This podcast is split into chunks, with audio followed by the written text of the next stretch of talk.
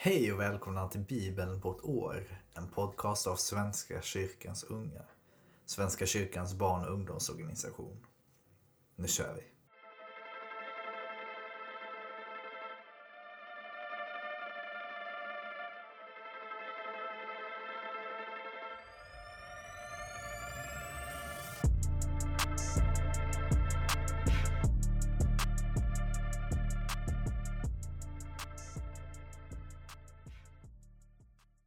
Vi ber. Tack Gud för idag. Tack för denna dagen. Tack för att du älskar oss. Tack för att du älskar oss även idag. Tack för att du älskar oss oavsett hur mycket fel vi gör och hur mycket vi tvivlar på oss själva så tvivlar aldrig du på oss Gud. Du vet redan varje steg vi tar. Du vet redan allt vi kommer att göra och allt som vi har gjort. Du står utanför tid och rum Gud. Men du älskar oss ändå. Tack Gud för det. Var med i dagens läsning i Jesu namn. Amen. Vi börjar i Josua, kapitel 3, vers 1 till kapitel 4, vers 24. Tidigt nästa morgon bröt Josua och alla israeliterna upp från Shittim och kom fram till Jordan, där de övernattade innan de gick över floden. Tre dagar därefter gick förmännen runt i lägret och befallde folket. När ni ser Herrens, er Guds förbundsark, lyftas upp av de levitiska prästerna, bryt då upp och följ efter den. Men håll ett par tusen alnars avstånd mellan er och den. Kom inte för nära den. Följ arken, så vet ni vilken väg ni ska gå. Ni har ju aldrig gått den tidigare. Josua sade till folket, Rena er, ty imorgon ska Herren göra under bland er. Till prästerna sade han, lyft upp förbundsarken och gå i spetsen för folket.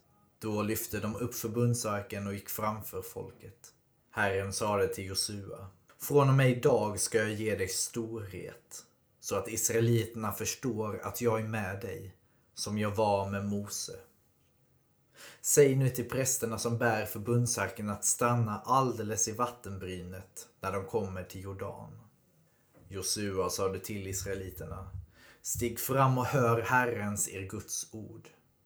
Han fortsatte, av detta ska ni förstå att den levande guden är mitt ibland er och att han ska driva undan kananéer, hetiter, hiver, perser, girgasher, amorer och jevuser för er förbundsarken, hela jordens härskares ark, ska gå framför er över Jordan. Välj ut tolv män från Israels stammar, en från varje stam. När prästerna som bär Herrens, hela jordens härskares ark, sätter ner fötterna i Jordans vatten, ska vattnet uppströms hejdas i sitt lopp och stå som en mur Folket bröt upp från lägerplatser för att gå över Jordan med prästerna som bar förbundsarken i täten. Och när prästerna som bar arken kom fram till Jordan och satte fötterna i vattenbrynet. Jordan svämmar över sina breddar under hela skördetiden. Stannade vattnet uppströms i sitt lopp och reste sig som en mur långt borta vid staden Adam nära Saretan. Men nedströms mot Aravasjön, Döda havet, försvann allt vatten. Folket gick över mitt emot Jeriko.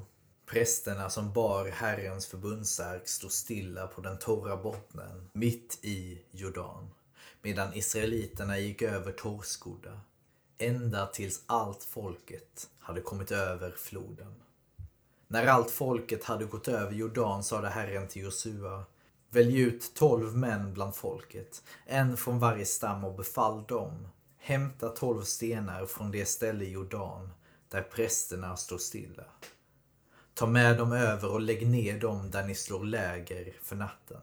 Josua kallade till sig de tolv män han hade utsett bland israeliterna, en från varje stam och sade till dem Gå framför Herrens, er Guds ark, mitt ut i Jordan och lyft upp varsin sten på axeln, lika många som Israels stammar. Detta ska vara ett tecken bland er.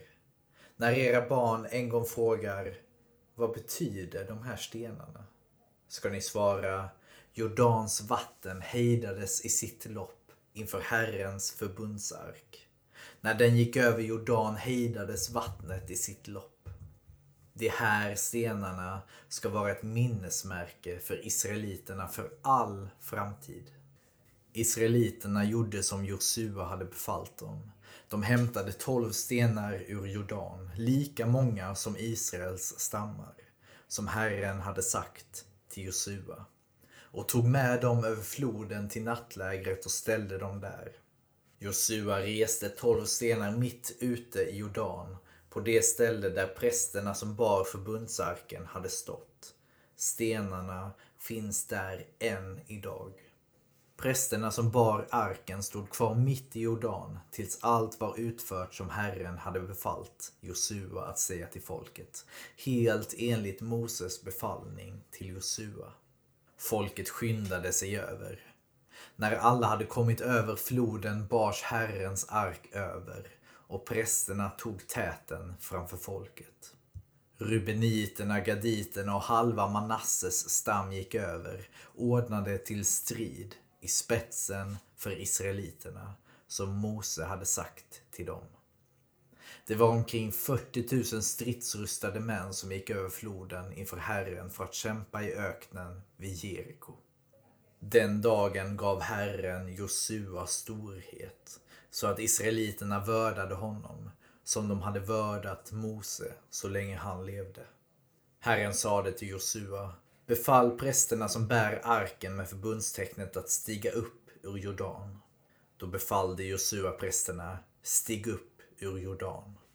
Knappt hade prästerna som bar Herrens förbundsark stigit upp ur Jordan och satt fötterna på torra marken förrän Jordans vatten återvände och steg över sina breddar som förut. Det var den tionde dagen i den första månaden som folket steg upp ur Jordan och slog läger i Gilgal vid Jerikos östgräns. De tolv stenarna som de tagit ur Jordan reste Josua i Gilgal och han sade till israeliterna När era barn en gång frågar sina fäder vad betyder de här stenarna? Ska ni förklara för dem Israeliterna gick torrskodda över Jordan när Herren, er Gud, lät Jordans vatten torka bort inför er tills ni gått över. Liksom han gjorde med Sävhavet, som han lät torka bort inför oss tills vi gått över. Det skedde för att alla jordens folk ska förstå att Herrens hand är stark och för att de alltid ska frukta Herren, er Gud. Vi fortsätter i Lukas evangeliet kapitel 14, vers 7 till 35. När han, Jesus, märkte hur gästerna försökte få de främsta platserna vid bordet gav han dem denna liknelse. När du är bjuden på bröllop, slå dig då inte ner överst vid bordet. Kanske någon av de andra gästerna är mer ansedd än du. Och värden kommer och säger, ge honom din plats. Då får du skämmas när du måste flytta dig längst ner. Nej, när du är bjuden, Gå då genast och ta den nedersta platsen. Så att värden säger till dig när han kommer Käre vän, flytta dig längre upp. Då blir du hedrad inför alla dina medgäster. Den som upphöjer sig ska bli förödmjukad och den som ödmjukar sig ska bli upphöjd.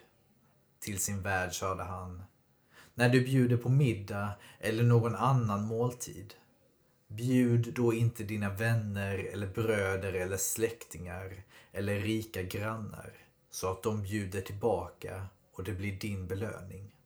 Nej, när du ska ha en fest så bjud fattiga och krymplingar, lytta och blinda. Salig är du då eftersom, det inte, eftersom de inte kan ge dig någon belöning. Belöningen får du vid de rättfärdigas uppståndelse. En av gästerna som hörde detta sade till honom Salig den som får vara med om måltiden i Guds rike. Jesus svarade En man skulle ha en fest och bjöd många gäster.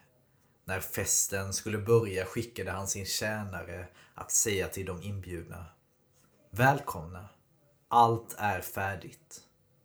Men alla hade de någon ursäkt att komma med. En lät hälsa, jag har köpt en åker och är tvungen att gå och se på den. Förlåt att jag inte kan komma. En annan sade, jag har köpt fem par oxar och jag måste ut och se vad de går för. Förlåt att jag inte kan komma. En tredje sade, jag har just gift mig så jag kan inte komma. När tjänaren kom tillbaka och berättade detta greps hans herre av vrede och sade Gå genast ut på gator och gränder i staden och hämta hit alla fattiga och krymplingar och blinda och lytta.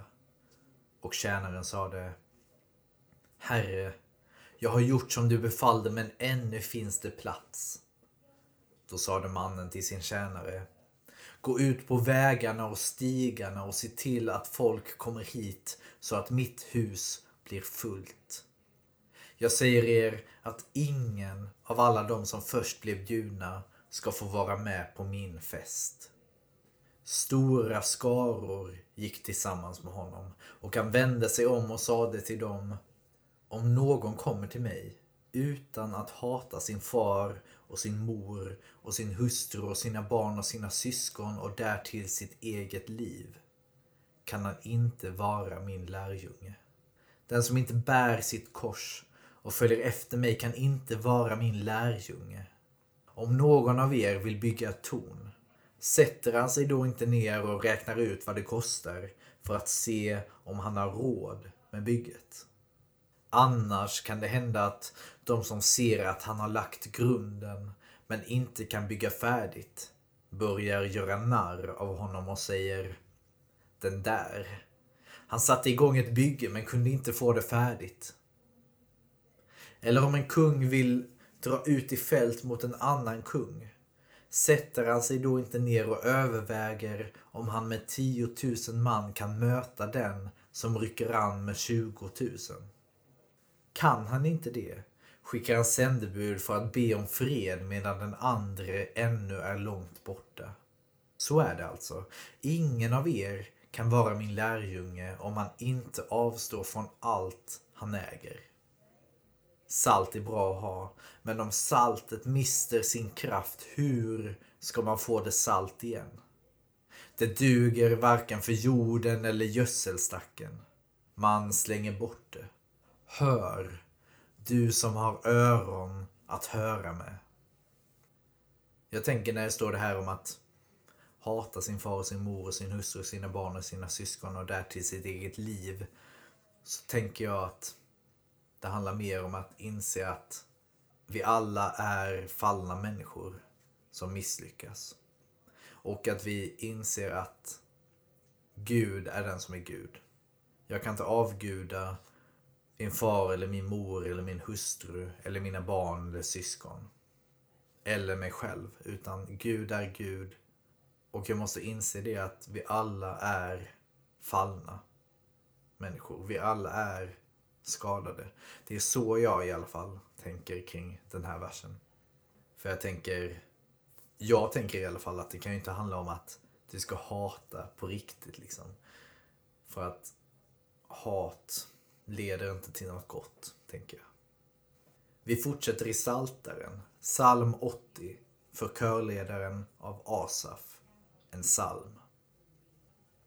Lyssna, Israels herde, du som leder Josef som en fårjord, du som tronar på keruberna, träd fram i glans inför Efraim, Benjamin och Manasse. Väck din styrka till liv och kom till vår hjälp.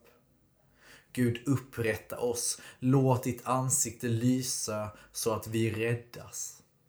Herre Gud Sebot, hur länge ska ditt folks böner mötas av rykande vrede? Du har låtit oss äta tårarnas bröd, gett oss tårar att dricka i övermått. Du utsätter oss för våra grannars förakt, vi hånas av våra fiender. Gud Sebot, upprätta oss. Låt ditt ansikte lysa så att vi räddas. En vinstock tog du från Egypten. Du drev undan folken och planterade den. Du röjde mark och den slog rot och uppfyllde landet. Bergen täcktes av dess skugga och mäktiga sedrar av dess grenar. Den sträckte ut sina rankor till havet och sina skott ända till Eufrat. Varför rev du ner muren omkring den så att alla som går förbi kan plocka? Vildsvin från skogen kan skövla den, markens smådjur kan äta den kal. Gud Sebaot, vänd tillbaka, blicka ner från himlen och se. Ta dig an denna vinstock, den ranka din hand har planterat. De har huggit ner och bränt den. Låt de gå under för din straffande blick. Håll din hand över mannen vid din högra sida, över honom som du har fostrat. Vi viker inte bort från dig. Låt oss leva så ska vi åkalla dig. Herre, Gud Sebaot, upprätta oss. Låt ditt ansikte lysa så att vi räddas. Och vi avslutar i Ordspråksbokens tolfte kapitel, vers 27 och 28. Lättja fångar inget byte men den flitige får rika skatter. Rättfärdighet leder till liv.